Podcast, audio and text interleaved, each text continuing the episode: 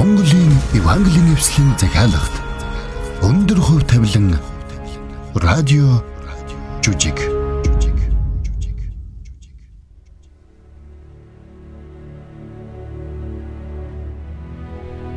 Өндөр хөв тавилан радио жүжигийн шин дугаард тавтай морилно.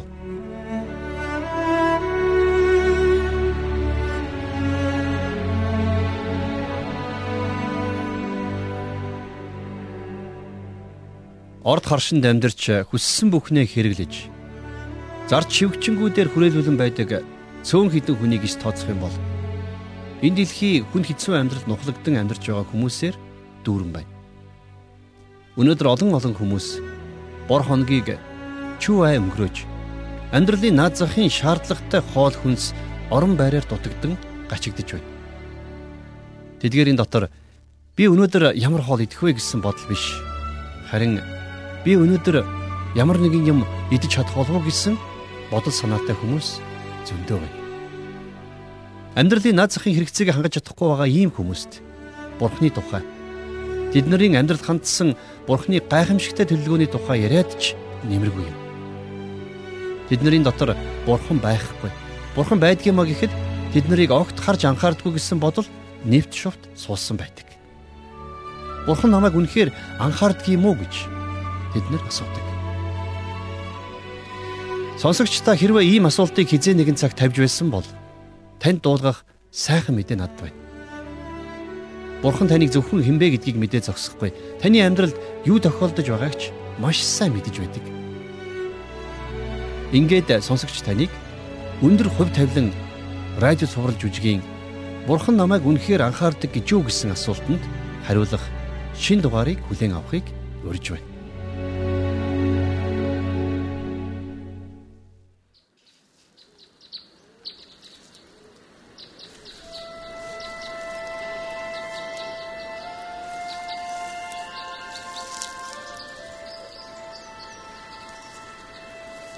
Назарын Есүстэй анх уулзах байсан тэр үед би түүний дагалдагч болоход хамгийн тохиромжгүй хүмүүсийн нэг байсан. Надад шашны талаар ямар ч ойлголт байхгүй нээр түүний дагалдагч нарын дунд миний таньдаг хүн хамаатан садан огт байгаагүй. Надад ямар ч авьяас бэлэг онцгой чадварч байсангүй. Хамгийн гол нь надад Есүсийн дагалдагч болох ямар ч хүсэл байгаагүй. Би тэр үед Есүсийн дагалдагч болохоор шийдснээ бодохоор инээд хүрч. Яагаад гэж вэ? Нэг л шалтгаан бий. Есүс бол шашны том багш, раби хүн байсан. Гэтэл би чинь бурхан байдаа гэдэгт итгэдэггүй хүн шүү дээ. Гэхдээ ямар тач би Есүсийн дагалдаж болохоор зөвшөөрч түүнийг дагах болсон. Яд жохот түүний дагалдагч нарын дотроос эргэлзэж тэнэгэлсэн олон асуултыг дотроо тэн явна ганцхан бий боллоо. Томс. Алуу нааша хүрээд ирэж. Алуу суу. Баярлалаа Филипп. За Томс. Одоо нөгөө асуугаад байсан зүйлээ Есүсээс асуудаа. Юу лээ? Чамд Есүсээс асуух юм байсан биз дээ? Мартчихсан юм уу? Чиний юу яриад байгааг би ойлгохгүй шүү Филипп. За чи ойлгож л байгаа штий. Яагаад вэ өчигдөр хотод явж байхад юу лээ? Би нэг л яагаад вэ? Есүс Бицайт энэ дэргэдний хөгшин хүнийг эдгэх үеэр аа тэр үү. За тэгээд асуул та. Филипп би яг одоо асуумааргүй байна. Филипп хэрвээ Томост асуулт байсан бол өөрөө асуун шүү дээ. Ингиж хүчлэх хэрэггүй. Гэхдээ Иесусээ Томос нөгөө гайхамшигтай холбоотой нэг юм асуух гээд байсан юм аа. Филипп би иймхэн асуудлаар багшид төвөг удамааргүй байна. Олон жилийн туршид суумгай байсан тэр хүнийг намайг яаж идгээсэн тухай чи асуух гээв? Чи харсан зүйлээсээ болоод нүдэндээ итгэж чадахгүй байсан шүү дээ. Тэгээд үүнд ямар нэгэн залим их байгаа болов уу гэж чи бодсон. Тийм үү? Үгүй юу л да. Яг ч тийм биш ээ. Би нөгөө битгий санаа зов найз минь. Би үүнд чинь огтхон ч гомдоогүй. Тэгээд ч энд байгаа хүмүүсийн дунд эргэлзэж тэнэгэлцэн нь ганцхан чи ч биш. Тийм биз дээ Филипп? Аа, ингэн гэж би яг мэдээд байсан юм аа. Чи шин найздаа нөгөө түүхээ ярьж өгөхгүй мүү Филипп? Нөгөө Галилийн Кана гэдэг жижигхэн тосгонд болсон түүхийг л яриад байна да. Аа. Хэдэн сарын өмнө болсон явдал да. Би наа түүхийг чи ерөөсөө сонсоогүй байх чинь. Би ч бас ярьж өгөөгүй санагдж байна. Тухайн үед Ээдэхэд ерөөсө гурвуулхнаа явж байсан. Натинелийг дөнгөж олж уулзчихад байсан үе. Тэгсэн чинь бид нарыг Кант нэг хорим дөрдөг юм байна. Юу гэж те? Филипп, уг нь ганцхан намайг тэр хормонд өрсөн шүү дээ. За яг тийм болог. Тэгээд бид нар Есүсийг дагаад хормон дээр очивоо. Тэгсэн чинь тэнд нэг асуудал гардаг байх шүү.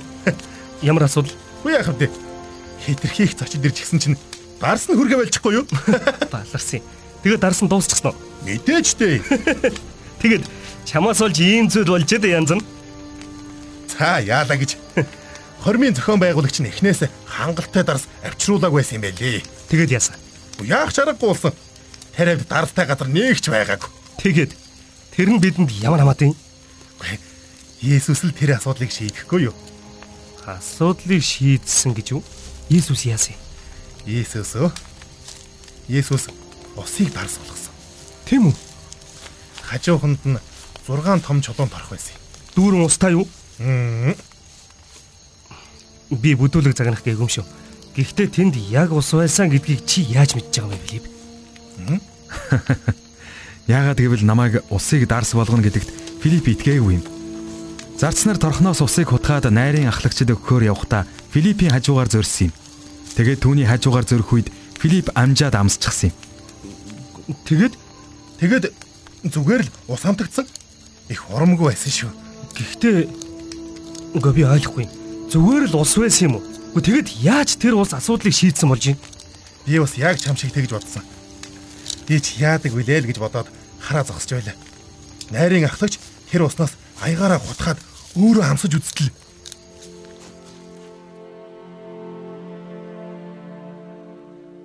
Бидний танил Томас хэрхэн Есүсийн дагалдагч болсныг бид өмнөх дугаараар сонссон. Тэрээр Есүсийн дагалдагч нартай хамт түүдэг гал тойрон суугаад элдвийг ярилцсан. Томас Есүст эргэлдсэн хിവэрэ байлаа. Бас дагалдагч нарын ярих тэр бүх гайхамшгууд ч тэр Бурхны тухай янз бүрийн ярианууд ч тэр тэрэнд огт үнэмшилгүй санагдаж байв. Томасын хувьд Бурханд итгэх нь битгий хэл. Бурхан байдаг эсэгт эргэлзэж байсан юм. Хэрвээ бурхан байдгиймаа гэхэд тэр бурхан Томасыг харж анхаардаг гэдэгт тэр бүрч итгэж чадахгүй байсан. Ингээд харин түүх цаашаа хэрхэн өрнөхийг одоо хамтдаа сонсцгоё.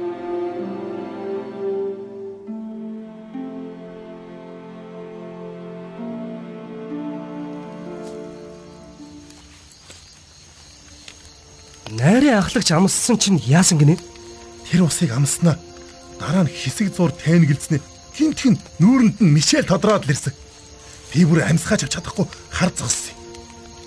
Тэгээд тэр хүн инээмсэглээд альва хүн эхлээд сайн дарсаа гаргаад хүмүүсийг цогцсны дараа муухнаа гаргадаг гэж хэлсэн юм да. Тэгээд Вэ тэгээ тэр хүн хөргөн хүрүү хараад гэтэл чи сайн дарсаа одоо хүртэл хадгалсан байжээ гэж хэлсэн. Зүгээр нэг дарс биш. Томас хамгийн шилдэг сайн дарс болж хувирсан гэж чи бодол доо аа. юу гэж Филипп? Юу? Энэ арай дэнтнэ. Томас яасан бэ? Хаачих нү? Хм, утгагүй юм яриад байгаа. Усыг дарс болгосон чиг шиг. Хөөе Томас. Томас хүлээлдэ. Томас зогсч байл да. Яава. Яагаад яагаад гүгээ явчваа? Сонс Филипп. Би ер нь тэнд байх ёсгүй хүн юм шиг байна. Ингээ ер нь би Ер нь юу гэж? Яасан? уучлаарай. Би наад яриад байгаа зүйлс чинь ерөөсөө итгэж чадахгүй. Гэхдээ би нүдэрээ харсан штэ. Би усыг амсаж үзсэн. Дараа нь яг тэр цавдаа усыг амсаж үзэхэд гарцаагүй дарс болчихсон байсан юм аа. Энэ бол гарцаагүй гайх юм шиг. За яах вэ тийм байж. Чи наадахта итг. Би нүдэрээ хараагүй. Тиймээс би л итгэхгүй. Гэхдээ Есүс Ерөслим сомгай хүнийг эдгийхийг чи нүдэрээ харсан л үсттэй. Гэхдээ би сайн харж чадаагүй. Би харсан зүйлдээ итгэлтэй биш үү? Яасан бэ Томс? Юу болсон бэ? Яагаад хямраад байгаа юм бэ? Үгүй би За хэлвэ. үгүй энэ бүхэн ер нь хинт хэрэгтэй юм бэ Филипп? Юу гэсэн үг юм? Есүс гайхамшиг үйлдэл нь үнэн байлаа гэж бодъё. Тэгэд юу гэж? Есүс гайхамшиг үйлдэлгээд яадаг юм? Есүс усыг дарс болгож чаддаг нь тэндэл юм байгаа биз? Үгүй инглигээд энэ юуг нотлох юм бэ? Есүс бурхнаас ирсэн хүн гэдгийг нотолж өгч байгаа юм шүү. Тийм гэж юу? Хэрвээ тийм юм бол бурхан яаж түүнийг илгээсэн юм? биднийг анхааран хардаг гэдгээ бидэнд ойлгуулахын тулд биднийг анхааран хардаг гэдгээ харуулах гэж юу? Тийм гэж юу? Тийм. Усыг дарс болгох нь бурхан биднийг харж ханддаг гэдэгтэй тэгвэл юугаар холбоотой юм? Альбэ Томас чи жаахан тайвшрал да. Дарс тэгэж юуг баталж байгаа юм бэ? Хүн бүр гайхалтай тэр дарсыг уулсан юм байж. Тэгэж юу гэж? Гэхдээ тэрний уулаагээд хүмүүст тустай юм юу болсон юм? Есүс одоо алдартай багшуулсан байна. Өөрт нь л ашигтай зүйл болсон байгаа биз дээ. Тэнд тийм гайхамшиг болсныг хинч мдээгүй штэ Томас. Юу гэсэн үг? Найр яхлагч мэдсэн биз дээ. Үгүй ч. Тэгвэл зочид яасан? Үгүй ээ. Тэдний хэнэж мдээгүй. Ойлгосон. Хөргөн хүмэцсэн үү? Тэр ямар нэг юм болсныг гадарсан л баг. Гэхдээ би тэрэнд ч бас хэлээгүй. Гэхдээ Тэгвэл Есүс яагаад гайхамшиг үйлцсэн? Хэрвээ өөртөө нэр алдрыг олохгүй юм бол тэгж гайхамшиг үйлдэхийн хэрэг юу вэ? Есүс тэр гайхамшигыг бусдын анхаарлыг өөртөө татахын тулд хийгээгүй юм шүү дээ томсон. Тэрэнд өөр зориг байсан. Ирсэн зочдыг дайлах гэж юу? Үгүй ээ. Мэдээж ирсэн зочид тэр гайхамшигын үр дүнд сайхан дар сууж дотроо халааж авсан ч Есүсийн эцсийн зориг энэ байгаагүй. Мө тэгээд тэр гайхамшигыг хэний төлөө үйлдсэн? Бидний төлөө. Дагалдагч нарынхаа төлөө. Миний төлөө үйлдсэн. Томс. Есүс тэр гайхамшигыг миний төлөө үйлдсэн. Юу гэнэ? Яагаад тэгнэ гэж? Би чамаас нэг юм асууя. Томс. Чи Есүсийг яагаад дагахаар шийдсэн юм бэ? Би би яагаад гэдгээ сайн ойлгохгүй юм. Тэгвэл би чамд нэг зүйл зөвлөе. Чээч бас над шиг шашны удирдагч нарын худал хуурмаг амлалтууд тэдний хоромж шашинлаг байдлаас залхсан хүн байх. Чи өнөөдрийг хүртэл ямар нэгэн итгэжхмээр үнэн зүйлтэй таараагүй байх. Гэхдээ өнөөдрийг хүртэл шүү. За тэгээд Есүсийг хэлсэн даруйд нь тэрнийг дагнаа гэдэг чинь итгэлийн алхам. Гэхдээ би Есүс итгэсэн гэж хэлээгүй шүү. Тийм ээ, тийм томс. Гэхдээ л чи тэрнийг дагсан шүү дээ. Чи энийг хүлээн зөвшөөрөхийг хүсэхгүй байна. Гэхдээ эн чинь чиний талаар нэгийг хэлээд байна. Чи ямар нэг зүйлийг ирж хайж байгаа Филипп. Чиний ярьж байгаа зүйл чинь их л сонирхолтой байна л да. Гэхдээ эн чинь Есүсийн үйлсэн гайхамшигуудтай ямар хамаатай. Томас, би ч бас ирж хайж явсан хүн. Гэхдээ Есүсийн дотроос би хайж байсан зүйлээ олсон гэж итгэж байна. Итгэл найдвараа тавих тэр итгэлтийн нэг нэг би олсон. Чи түүнд итгэж байгаа юм байж. Гэхдээ эн чинь миний асуултаа огт авцалдахгүй л байна да. Усыг дарс болгосон гайхамшиг суумгай хүний хөл оруулсан гайхамшиг хоёр хоёулаа яг адилхан зоригтой биш үү? Иесуст итгэж найдаж байгаа хүний итгэлийг батжуулахын тулд энийг үйлцэн хэрэг гэж чи бодохгүй байна уу? Тэгээд усыг дарс суулгасан чамд харуулахын тулд харин суумгай хүнийг эдгээс нь над харуулах гэсэн хэрэг гэж чи хэлэх гээд байна уу? Үгүй дээ, үгүй би тэгж хэлэх гээгүй байна. Тэгээд тэр хүн жинхнээсээ итгэрсэн. Тэр эдгэрлийн ач тусыг тэр хүн үнэхээр хүртсэн. Гэхдээ Томс Энүүгээр дамжуулаад бурхан алдаршсан шүү дээ. Зөвхөн гайхамшигыг хүртсэн хүний хувьд ч биш. Есүсийг дагаж байгаа дагалдагч нарын зүрхэн ч бас бурхан алдаршсан. Тэгэхээр тэр гайхамшигуд нь бидний итгэлийг бачуулахын тулд байсан болж таарч байна. Үгүй чи тэгээд үүгээрээ бурхан надад анхаарал халамж тавьдаг гэж хэлэх гээд байгаа юм уу? Есүс тэр хөгшин хүнийг эдгээс нь намайг бодсондоо хийсэн зүйл болж таарч уу? Тийм ээ, Томс. Тэр чамд анхаарал халамж тавьдаг. Бүх насаараа цөөрмийн дэргэд суусан тэр сумгай хүнийг ч бурхан анхааран харсан. Хормын дээрээ дарсан дуусаад эвгүй байдалд орох гэж байсан хос салуусыг ч бурхан анхаарсан. Ээ Томас минь. Бурхан чамайг хайрлсан учраас л Иесусыг чам руу үлгээсэн гэдгийг чи харахгүй байна гэж үтэй. Бурхан биднийг анхааран хардгаа гэдгийг батлах хамгийн том баталгаа нь Иесус Христ өөрөө юм шүү.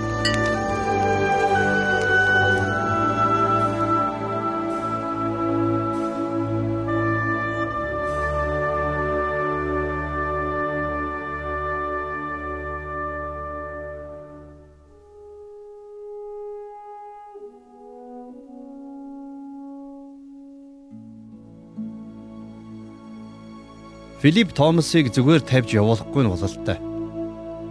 Есүс Христэд итгэлээ өгсөн Филипп өөрийнх нь шинэхэн найз Томасын доторч Бурхан хэрхэн ажиллаж байгааг анзаарсан байна. Үнэн дээр Филиппийн зөв байсан. Бурхан үнэхээр Томасыг харж анхаарч байсан. Энийний нэгэн адилаар Бурхан одоо ч гэсэн та биднийг харж, хандаж, хайрлан халамжилдаг. Яагаад гэж юу? Яагаад гэвэл Бурхан таныг бас намайг бүтээсэн. Тэр та биднийг бүтээсэн учраас бид Бурханы хувьд маш онцгой гэсэн үг. Тэр биднийг зөвхөн бүтээгээ зогсохгүй мөнхийн хайраараа хайрлсан байна. Бурхан Авраамыг миний найз гэж дуудаж байсныг хуучин гэрээ номон дээрээс бид уншиж мэдэж авсан. Бурхан бас Мосетэй анд нөхөртэйгөө ярьж байгаа мэт ярилцдаг байсан. Тэгвэл Бурхан өнөөдөр та бидний ч бас дотны найз юм. Бид Бурхантай найзтайгаа ярилцах мэт ярилцах боломжтой. Би яг энэ цаг мөчид Бурханд хандан зүрх сэтгэлээсээ залбирах гэж байна. Та миний залбирахыг сонсоод дараа нь надтай хамт залбираарай. Агуу Бурхан минь, та намайг бүтээсэн. Та зөвхөн намайг бүтээгээ зогсохгүй, намайг үнцэнтэй онцгой гэж тооцсон. Намайг та өөрийн агуу хайраар хайрлсан. Тэгээд намайг өөрийнхөө найз болгосон учраас танд баярлалаа. Таныг улам илүү танин мэдэж, таныг улам илүү хайрлахад туслаач. Есүсийн нэрээр. Амен. За одоо энэхүү залбирлыг миний ардаас давтаад хэлээрэй. Та ингэ залбирахдаа өөрийнхөө чин зүрхнээсээ бурханд хандаж хэлээрэй. Агуу бурхан минь.